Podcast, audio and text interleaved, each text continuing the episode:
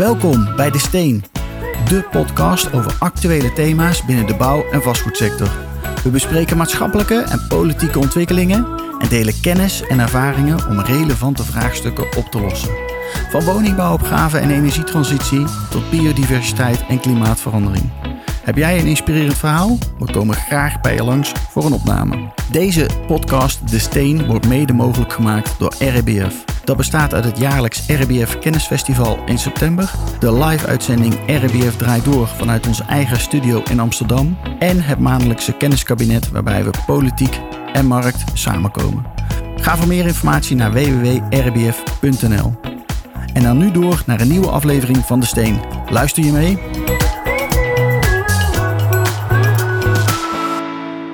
Ja, welkom bij weer een nieuwe aflevering. We zitten vandaag met uh, Luc van de Boom van Scalar Global. Welkom Luc. Hoi, dankjewel voor de uitnodiging. Ja, leuk dat je hier bij ons bent. Uh, we gaan het hebben over nou ja, verduurzaming, een heel groot breed begrip uh, van, van vastgoed. Um, jij bent een aantal jaar geleden begonnen ook met Scalar Global onder andere. Klopt. Kun je daar eens wat over vertellen? Ja, dan moet ik iets verder teruggaan dan toen ik begon met Scalar. ik werkte eer, in eerste instantie bij Gresp waar natuurlijk heel veel partijen aan, uh, aan moeten rapporteren van hun aandeelhouders. En ik zag daar bijna zes jaar geleden eigenlijk ook een heel groot gat komen hoe je al die data gaat organiseren binnen een organisatie. Ja. Um, dus zes jaar terug ben ik met de consultancy begonnen. Um, alleen consultants gaan ook niet de impact hebben wereldwijd om te organiseren wat je moet organiseren om te kunnen rapporteren aan GRESP, aan je aandeelhouders, aan de auditors die steeds meer vragen gaan stellen voor CSRD, voor SFDR, EU Taxonomy Alignment. Dus twee jaar terug. En consultants zijn ook niet echt scalable. Klopt, zeker waar. En uh, ook al vind ik de consultancy kant echt super leuk. Uh, uiteindelijk kunnen we niet met hoeveel mensen we hebben en die consultants zijn, echt dat, die impact maken. Um, twee jaar terug ben ik dus heel actief gaan kijken naar welke platforms er in de markt waren. Ja. En vond daar niet echt een platform waarmee ik kon bereiken wat ik wilde bereiken. Dus echt die globale. Jij werd er nog niet enthousiast van wat er was. N niet echt. En nee. ik denk dat die partijen ook heel goed bezig zijn en ook heel veel verandering uh, teweeg brengen. Maar wat ik heel erg miste is echt dat je op elke manier de data kan begrijpen. Uh, en ik als ESG-expert die al vanuit GRESP. Uh, Jij was er al mee bezig met ESG toen ESG nog niet eens bestond. Ja, ongeveer tien jaar nu. En ik logde, in, kijken, ja. ik logde in, in in die andere platforms. En ik kreeg nooit echt meteen dat ik het kon begrijpen. Ik moest best wel ver zelf doorklikken om echt de inzichten eruit te krijgen um, waar ik naar zocht. En die belangrijk waren. Ja, dus dat was eigenlijk te ingewikkeld. Ja, ja uiteindelijk wel. En ja. ik denk heel vaak gemaakt voor één persoon. Of was het te ingewikkeld of was het de, de, de juiste data ontbrak? Uh, misschien klein beetje beide over de afgelopen tien jaar. Uh, maar ik denk vaak voor één persoon gemaakt. Een ESG-manager uh, zocht natuurlijk heel erg naar een platform um, met zijn. Uh, alle telefoons gaan af hier.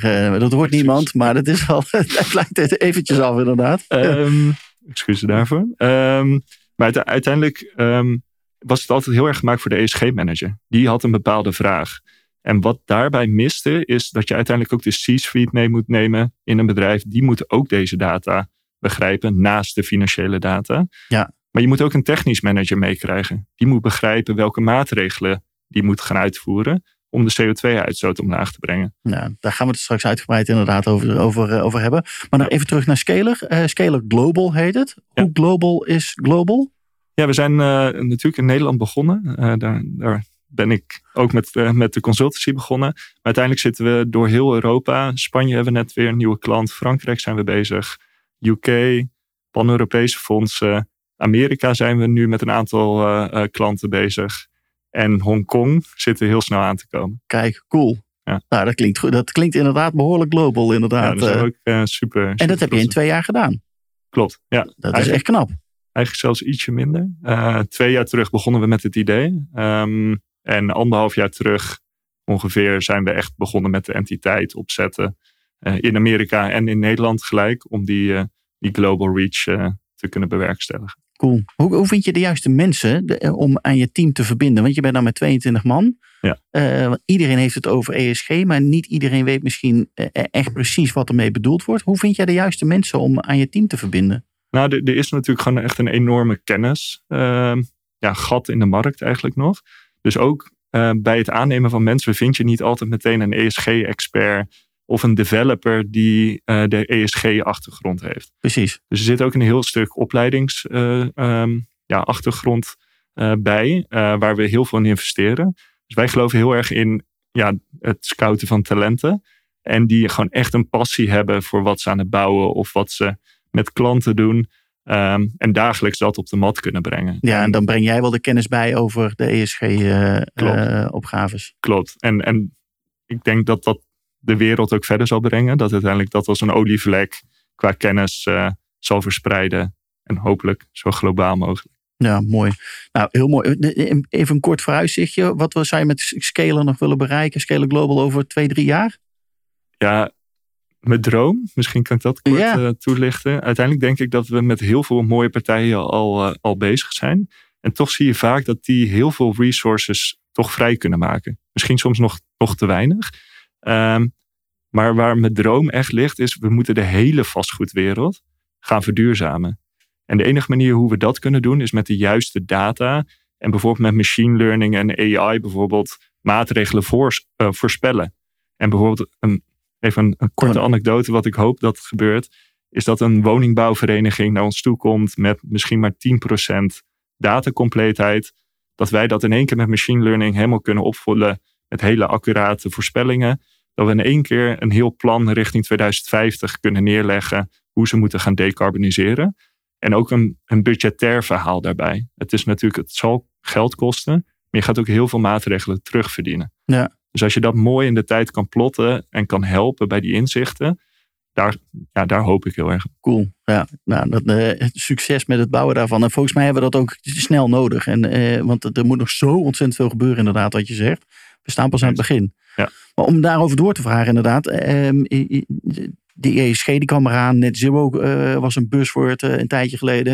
En toen kwamen al die partijen met commitments. Van 2050 willen we energie-neutraal zijn. En toen eh, waren er een paar van die 2050 hadden geroepen. En toen zeiden er een paar van, weet je wat, wij gaan 2045 roepen. En toen kwamen er nog een paar en die zeiden, wij willen 2040 net zero zijn. Hoe kijk je naar al die ambities, commitments die zijn uitgesproken door verschillende vastgoedbedrijven? Nou, ik, ik vind die commitments echt ja, super. En ik ben daar heel blij mee dat die gemaakt worden. Ehm, waar ik wel heel erg voor wil oppassen en waar de markt denk ik ook heel goed naar moet kijken, is dat je de juiste pl- planning moet gaan maken. Je moet een routekaart Ja, alleen maar roepen 2030, 2035 is te weinig. Ja, want die mensen werken daar waarschijnlijk niet meer. Die daar nu die, die pledges en die commitments doen. Eh, dus je zult echt snel met een plan moeten gaan komen. Om te zorgen dat je de bepaalde maatregelen ook budgetair gaat voorbereiden. Eh, dat je daar de funding voor krijgt. Eh, dat je daar intern zeg maar, de kennis voor gaat eh, organiseren. Want uiteindelijk aan het einde van de dag vastgoed is de afgelopen honderd jaar redelijk hetzelfde geweest. En je zult nu echt een transitie door moeten gaan hoe je naar vastgoed kijkt. Het is niet alleen maar huur, we doen onderhoud, we hebben capex-budgetten, opex-budgetten. En, we- en hopelijk is dat rond te rekenen natuurlijk. Ja. Er komt een heel nieuw element bij. En En dat nieuwe element is de verduurzamingsslag. exact. En om die commitments van bijvoorbeeld 2035 te halen, zul je de data op orde moeten hebben. Je zult de transitie met je team door moeten gaan. Eh, je zult het geld moeten gaan organiseren. Ehm, je zult sommige gebouwen moeten verkopen. Je zult bij eh, nieuwbouw die je gaat aankopen heel kritisch moeten kijken naar aan welke eisen die voldoen. Zijn die bijvoorbeeld EU-taxonomy aligned? Is die energieintensiteit daadwerkelijk zo laag? Hoe ga je de huurder meekrijgen? Dus die commitments zijn super belangrijk. Ja. Maar we moeten ook een realistisch pad daar naartoe kunnen gaan ja, bewerkstelligen. En ik, ik geloof heel erg dat daar techn- technologie bij kan, eh, kan helpen. Nou, hoe kan Scalar daarbij helpen? Want eh, je noemt al een aantal het woordje data, eh, laat je terugkomen. Is dat ook waar jullie met name vanuit Scalar Global bij, bij ondersteunen? Ja, dus als je het helemaal plat slaat, wij helpen heel erg bij de dataverzameling ten behoeve van bijvoorbeeld ook rapportages die je als partij moet voldoen. Dus denk aan GRESP, eh, INREF eh, guidelines, ehm, even nadenken, CSRD, want er zijn zoveel afkortingen tegenwoordig. Ja, SFDR. SFDR, eh, In ja. Amerika is het CDP. In Frankrijk is het weer een andere. En wij kijken eigenlijk naar al die frameworks, want daar moet je aan voldoen. Daar, dat is niet een, een uh, mag. Dat is gewoon je aandeelhouders vragen daarom. Ja. Dus dat organiseren we. Maar daar... Dat lijkt me best wel ingewikkeld. Want als jij inderdaad een portefeuille hebt die wereldwijd is. En je moet in al die verschillende landen aan al die verschillende richtlijnen voldoen. Ja, dat is best wel een opgave. Een van de voorwaarden toen ik met Scalen begon, met mijn medeoprichter die echt helemaal in de technologie zit. Ehm, we moeten extreem flexibel kunnen zijn. En dat hebben we dus ook, daar zit heel veel uh, energie in. Om met het hele team en vooral de developing kant, dus de, de ontwikkelaars, uh, te kijken hoe kunnen we nou die tech suite zo flexibel houden dat als er een nieuw framework in Japan of hier in Nederland komt, dat we daar heel snel op in kunnen spelen. En wat je wel echt ziet, zo'n nieuw framework is vaak heel erg overlappend met een GRESP, waar je wellicht al aan voldoet. Ja. En daar kunnen we natuurlijk heel snel, die data moet op een, in een ander jasje worden gestopt. En daar zijn wij heel erg goed op voorbereid. Dus ook cool. CSRD komt eraan. Is niet heel veel nieuwe data. Het is in een ander jasje, op een andere manier gerapporteerd. En auditors gaan daar wel heel erg specifiek naar kijken. Welke rekenregels gebruik jij? Dus je komt niet meer weg dat je dit in een Excel bij gaat houden. Je hebt, ja. nee, je hebt echt een database nodig. Ja, zeker. Wat voor data ben je nou naar op zoek? Ja, Wil je dat eens wat concreet maken? Is dat allemaal energiedata of wat voor data is het? Ja, we doen ook sociale en een stukje governance inmiddels ook. Um, dus environmental kijken we naar energie, CO2-uitstoot die volledig volgens alle regels automatisch uh, wordt uitgerekend voor je. Ja. Waterconsumptie uh, en afvaldata. Um, dan heb je op de sociale kant dus dat, dat was eigenlijk alles al op environmental. Ja, dat is allemaal op de E. Ja. Social kijken we naar hoeveel green leases heb je. Uh, hoe, wat staat er in zo'n green lease? Hoeveel huurderstevredenheidsonderzoeken heb je afgenomen? Dus wij zijn niet het bedrijf die dan een huurderstevredenheidsonderzoek afneemt. Nee. Wij zijn de verzamelbak waarmee je dus ook kan rapporteren en je inzichten uh, op een holistische manier van je portefeuille kan krijgen. Ja, precies. En dat is wat je wel moet doen. Want jij zegt van, de, je hebt een andere partij die dan bijvoorbeeld uh, die tevredenheidsonderzoeken doet. Nou, die heeft er x gedaan per jaar. Uh, jij kan niet rapporteren naar Europa. Ik heb er x gedaan, maar je moet met een database aantonen dat, je, dat, dat het werkelijk ook zoveel zijn. Klopt. Ja, de en daar zit de, de, de crux in. Ja, de auditor, de, de Big Four, zonder een naam te noemen, die, die gaan daar natuurlijk die gaan daar vragen. vragen. Precies. Die gaan vragen. Net als bij je financiële rapportage aan het einde van het jaar gaan ze ook hier naar vragen. Exact. Onderbouw maar eens waarom het uh, uh, er 100 zijn. Exact. En ze doen een steekproef. Laat die facturen, die, die hoogste facturen, maar zien of dat echt klopt. Ja. Nou, precies die parallel zie je nu met niet-financiële data, oftewel ESG-data. Ja. Heb je een enorm energieverbruik of een enorm laag energieverbruik, wat wellicht vreemd zou lijken, bewijs dat dan maar. Heb jij dat afschrift of heb jij die slimme meter daadwerkelijk van uh, de energieleverancier op die manier ontvangen? Ja, cool.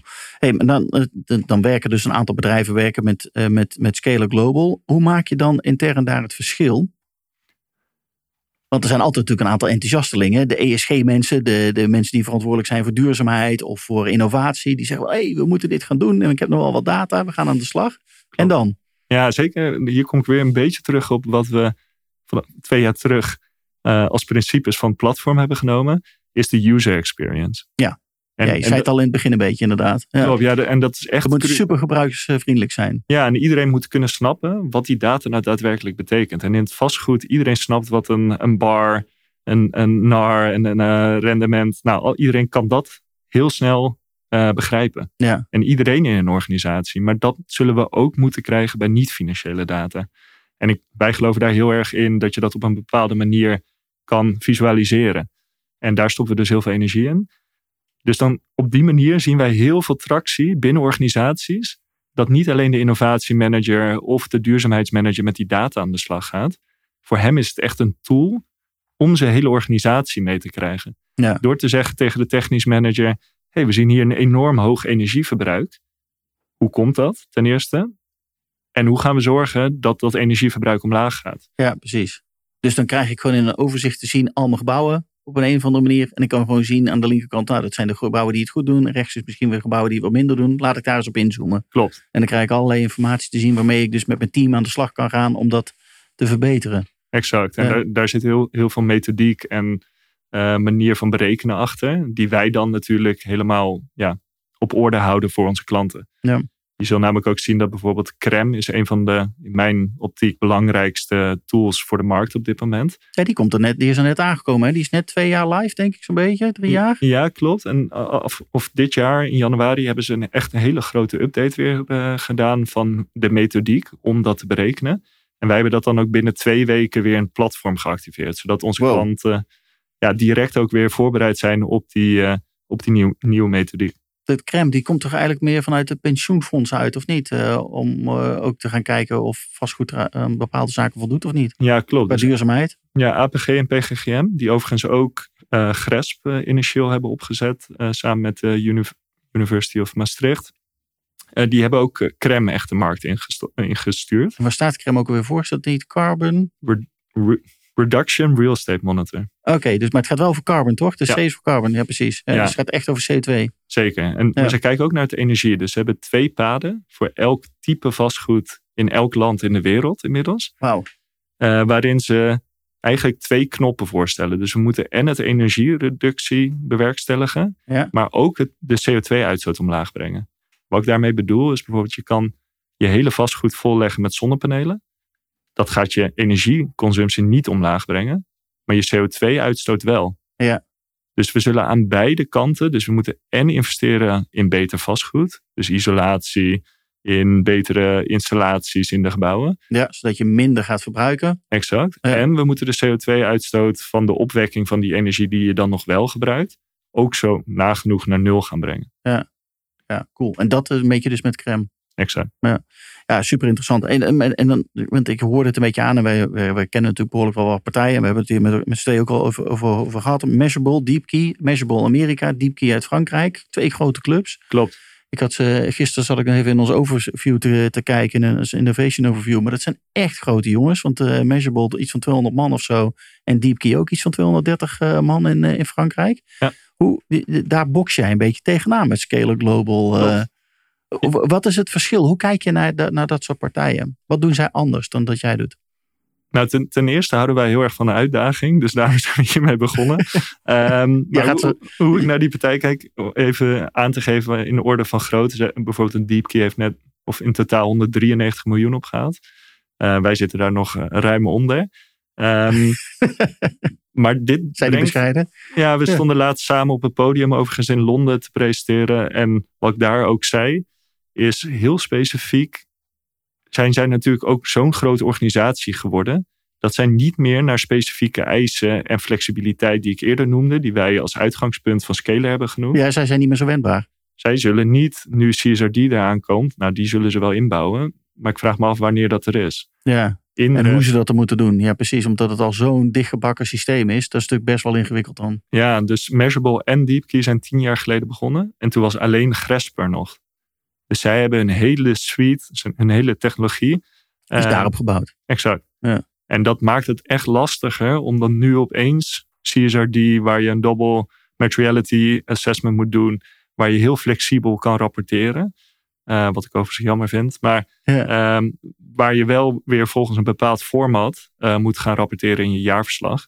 En waar dus ook die auditors, um, dus de KPMG's, PwC, heel specifiek gaan kijken naar die methodologie die je toepast. Ja. En daar moet je echt op voorbereid zijn. En dat kan je niet in een maand regelen. Dit cool. is echt een, dus, dus jij stond met een blonde op het podium en je zei: jongens, jullie zijn uh, bijna dinosaurussen uh, geworden, die niet meer zo makkelijk bewegen. Wat, wat, wat, hoe was dat gesprek? Ja, hoe nou, kijkt hij naar jullie? Hij kijkt naar zichzelf als een grotere partij en meer uh, reach. En, en wij geloven er juist heel erg in dat, dat je dat met een heel goed platform ook kan bereiken. Je hebt niet zozeer de mensen nodig, je hebt talent nodig, waar we het eerder over hadden. Uh, dat is super belangrijk. Je moet een super efficiënt team hebben die dag in dag uit een heel goed platform neerzet. Ja. En dat zien we ook echt terug. En dan kan je uh, vragen aan al onze huidige klanten of ze tevreden zijn met wat wij afleveren. En dat, dat brengt mij misschien nog wel de meeste trots van wat we aan het bouwen zijn met Scalar.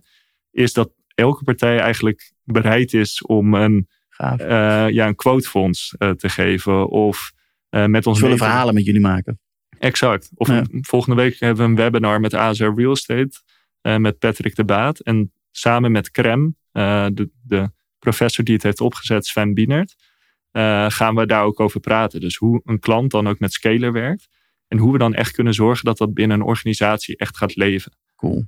Ja, dat is wel heel gaaf. Ja. ja als je dat voor elkaar krijgt bij je klanten, dan doe je echt al de, de juiste dingen, lijkt mij. Ja, ja, ja daar werken we heel hard voor. het, het, is super mooi om te zien dat dat echt uh, bij elkaar komt. Ja. Hey, maar nou, nou, nou, zitten natuurlijk allerlei partijen uh, die misschien nog geen klant zijn van Scale Global ook te, te luisteren. Uh, hoe werkt zo'n traject? Hoe, komen ze bij, hoe, hoe, gaan jullie met ze samenwerken? Waar begint het? Heb je echt je data helemaal op orde nodig voordat je met Scale Global kan starten? Vertel. Ja, we hebben heel veel verschillende soorten klanten. Uh, sommige die echt van, van scratch beginnen. En omdat wij dus die frameworks al helemaal hebben uitgeplozen, geven wij ze eigenlijk direct een soort van gap analysis van welke data ze nu op moeten gaan focussen. Het ligt eraan welk framework je aan gaat rapporteren. Ja. Maar bijvoorbeeld, uh, we moeten aan GRESP rapporteren, dat willen we volgend jaar organiseren. Dan kunnen wij in één keer laten zien, deze data zul je dan op orde moeten gaan brengen. Ja. Is het toch iets anders? Dus bijvoorbeeld je jaarverslag wil je gewoon voor je, dat je een, een beursgenoteerd bedrijf, die wil je helemaal op orde brengen. Uh, en dan zie je een, een, een, hele mooie klant van ons. Die hadden bijvoorbeeld in februari een hele jaarverslag op orde. Omdat wij heel makkelijk inzichtelijk kunnen brengen welke data heb je dan nodig. Om dat ja, op de juiste manier, te, rapporteren. Ja. Nu heb je ook bedrijven die al het wel op orde hebben. Dus die hebben een GRES spreadsheet. Die kunnen wij in één keer importeren. Dus dan ben je in één keer soort van onboarded op, op de platform. Wij rekenen daarbij dus ook geen onboarding fee. Omdat we dus heel snel eigenlijk die transitie naar ons platform uh, ja, voor de klanten kunnen organiseren. Ja, en dan krijgen ze dus gelijk allerlei inzichten. Kunnen ze gelijk met een team kunnen ze aan de slag. Uh, Klopt. Ja. Gaaf. Zeker, ja. Hey, we zijn, uh, iedereen heeft het de laatste tijd natuurlijk over nou ja, verduurzaming, net zero, ESG. Dat zijn echt termen die natuurlijk iedereen um, bespreekbaar maakt de afgelopen periode. Hoe kijk jij aan naar, tegen de, de staat van het vastgoed, zeg maar? Hoe ver zijn we? Ja, op sommige dagen ben ik heel positief en soms wat negatiever waar we staan. Ik, ik denk dat we nog een enorme opgave hebben. Echt waar sommige partijen denken heel positief omdat ze een redelijk nieuwe vastgoedportefeuille hebben, uh, dat ze ervoor staan. Maar als, we, als je dan echt naar die data gaat kijken, naar de werkelijke verbruiken van die gebouwen, dus dat, daar hangt ook een stukje huurdergedrag uh, aan. Ja. Um, ja, soms kan ik daar dan wel weer. Daar schrik je dus soms van? Ja, en dan denk ik, we hebben een enorme opgave en we moeten echt in die actiefase komen. Ja. En ik heb het natuurlijk ja, in de hele podcast tot nu toe veel over data gehad en over plannen maken. Um, maar uiteindelijk zullen we echt met die hele, ja, de hele vastgoedwereld die actiemodus moeten gaan vinden. Natuurlijk om te gaan verduurzamen. Ja, je hebt die, die planning nodig om dat ja, te initiëren. Om te weten wanneer je wat moet gaan doen. Klopt. Ja. Dus maar we moeten wel in beweging komen. 100 procent. Want ja. uh, in feite zijn we al te laat. De, dus we, moeten, we hadden gisteren in actie moeten komen. Dus die plannen hadden er eergisteren moeten zijn. Ja, dus we hebben gewoon echt gewoon actie nu. Ik sprak vorige week iemand en die zei ook van... Joh, je kan beter ook nu in actie komen. Want er zijn nu allerlei subsidiepotjes en, en gelden waar je gebruik van kan maken... om je vastgoed te verduurzamen. Nu, eh, dus dat is één om in beweging te komen. En twee is, er zijn nu, nu ook nog mensen die het kunnen voor, je, voor je kunnen doen. Dus er is capaciteit beschikbaar om je te helpen daarmee. Eh, fysieke handjes om dingen beter te maken. En als je dat niet doet en je wacht nog vijf of zes of zeven jaar dan is en de subsidie is, uh, is op. Uh, dus dat geld wat je nu gratis kan krijgen, is er niet meer. En die handjes die zijn dan waarschijnlijk knijterdruk, omdat dan iedereen wakker is geworden en in beweging is geworden. Dus start nu. Klopt. En ik denk dat daar wel wat in zit. Ja, en ik, ik geloof zelfs nu er wellicht, ja, met, met, of we het een crisis noemen, maar gewoon iets mindere tijden, ja. um, dat dat ook weer kansen met zich meebrengt. Uh, als je kijkt wanneer Gresp is opgericht, dat is 2010 geweest. Ja. Zoals iedereen weet, is dat was dat misschien wel de minste uh, periode om in het vastgoed een nieuw bedrijf te beginnen. Maar zij zijn toen enorm hard gegroeid. Omdat bedrijven ook zagen, we moeten die verandering door. En, en juist op dit soort momenten kan je dat organiseren binnen, binnen een organisatie. Um, en daar geloof ik, ja, ik probeer ja. altijd heel positief Ik ook, ja, heel goed. ja. En ik, ik denk dat we het ook allemaal kunnen. En als je ziet dat ik ah. vijf jaar terug heb, moest ik uitleggen bij partijen waar, wat duurzaamheid was bij sommigen. Bij anderen moest ik uitleggen wat E, S en G betekenen. En bij anderen moest ik uitleggen dat de mens daar nog verantwoordelijk voor was. En dus ook vastgoed, die voor 39% van de CO2-uitstoot verantwoordelijk is. Hij zegt de mens. Ja, dus wij hebben zo'n grote impact die we kunnen maken als vastgoedwereld. Um, ja, en ik geloof er dan heilig in dat ik een puzzelstukje kan leveren vanuit de technologiekant. Uh, maar die actiekant ja, is nog belangrijker dat we daar met z'n allen de schouders onder gaan zetten. Ja, en dan denk ik dat de allerbelangrijkste um, waarde waarschijnlijk is om mensen in beweging te krijgen. Want we kunnen allemaal zeggen van nou, uh, klimaatverandering en dit en dat en dat. En dat is nog best wel ingewikkeld om te begrijpen. Maar vastgoed mm. gaat uh, met name over geld verdienen en waarde creëren. Um, maar met verduurzamen kun je ook heel veel waarde creëren. Zeker. Dus volgens mij als we dat verhaal met z'n allen gaan vertellen. Dat je gewoon als je de juiste dingen doet op het juiste moment met je, met je vastgoed. Dan ben je ook gewoon waarde aan het creëren voor de langere termijn. Precies. en ik denk dat dan iedereen het al begrijpt. Nou, heel, heel makkelijk voorbeeld is eigenlijk zonnepanelen. Want je legt ze op je dak. Je krijgt daar best wel snel weer een return op. Dus vaak is het een van de beste investeringen die je kan doen in het vastgoed. En je waarde van het vastgoed zal ook omhoog gaan. Je energielabel wordt beter. Je, je route naar crème uh, wordt een stuk beter. Um, wij zien nu steeds meer partijen die een acquisitie gaan doen. Of die ook, kan ook andersom, als je een gebouw gaat verkopen. Dat ze bij ons vragen, wat, is, wat zegt nou eigenlijk die crème-analyse van jullie? Ik wil dat in mijn pitch meenemen. Dat, dat brengt gewoon waarde. En je zult zien dat taxateurs, die kunnen dit nog niet echt meenemen in hun waardering, omdat die altijd naar comparables kijken. Ja. Maar in feite is dit nou, redelijk anekdotisch bewijs, maar al wel het eerste bewijs dat dat echt wel in de prijs van het vastgoed zal doorwerken. Ja, kan niet anders. Ja, Dus en dan zeker in dit soort tijden van crisis eh, zie je ook partijen die weer kansen zien door misschien nu al vastgoed op te kopen wat daar nog niet zoveel aan voldoet. Want als je dan nu heel snel een stap maakt, dan kun je heel snel een waardestijging uh, uh, creëren. door met misschien van grijs vastgoed groen vastgoed te creëren. Klopt. En dus er zijn er zoveel kansen. Ja, ik zie, ik zie er nog veel meer. Als je nu een gebouw zou slopen en jij kan op een hele uh, slimme manier met, met bouwbedrijven veel van die materialen weer hergebruiken. Ja, die, die, de waarde van die materialen zal de komende jaren nog veel hoger worden. Ja. Dus als je daarop in kan spelen en als belegger uh, daar je voordeel juist kan uithalen, dus die veel circulair weer gebruiken en inzetten, uh, nou, dat, dat geeft me energie om te zien dat dat soort initiatieven steeds meer uh, in de markt te vinden zijn. Cool, dus genoeg positiviteit. Zeker. Ondanks dat het inderdaad, als we nadenken over klimaatverandering, dat we ietsje sneller moeten zijn, gebeuren er ook heel veel goede dingen. Klopt, ja. Dankjewel uh, Luc uh, voor deze, deze podcast en dit interview. Uh, ja, we gaan je terugzien de komende periode. En ik hoop je veel vaker hierin te hebben. Want volgens mij moeten we dit verhaal nog veel vaker vertellen. Om zoveel mogelijk mensen mee te krijgen op deze reis. Kom graag langs en bedankt voor de, voor de uitnodiging. Dankjewel en een fijne dag allemaal. Je luistert daarna op de podcast De Steen. Hopelijk hebben we je geïnspireerd om een beter gebouwde omgeving te creëren. Er kan al namelijk zo ontzettend veel. Deze podcast wordt mede mogelijk gemaakt door RBF. Dat bestaat uit het jaarlijks RBF Kennisfestival in september, de live-uitzending RBF draait door vanuit onze eigen studio in Amsterdam en het maandelijks kenniskabinet waarin markt en politiek samenkomen. Voor meer informatie ga naar www.rbf.nl. Het team van RBF wens je een fijne dag toe. Bedankt voor het luisteren en hopelijk tot snel.